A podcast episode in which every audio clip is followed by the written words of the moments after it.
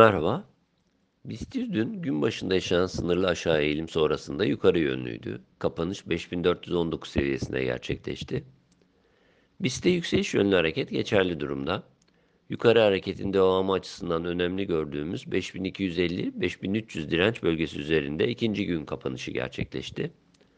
Olumlu teknik görünümün korunduğunu ineliyoruz. Bu paralelde 5300 seviyesi üzerindeki kapanışa da bağlı olarak yeni hareket bölgesi olarak değerlendirdiğimiz 5850-6050 bandının gündemde olduğunu düşünmeye devam ediyoruz. Endekste 5300-5250 bandı yakın destek, 5050 seviyesi altı ise kısa periyot için zayıflama bölgesi olarak düşünülebilir. Üzerindeki hareketin korunması yükseliş yönlü beklentinin güçlü kalması olarak değerlendirilmeli.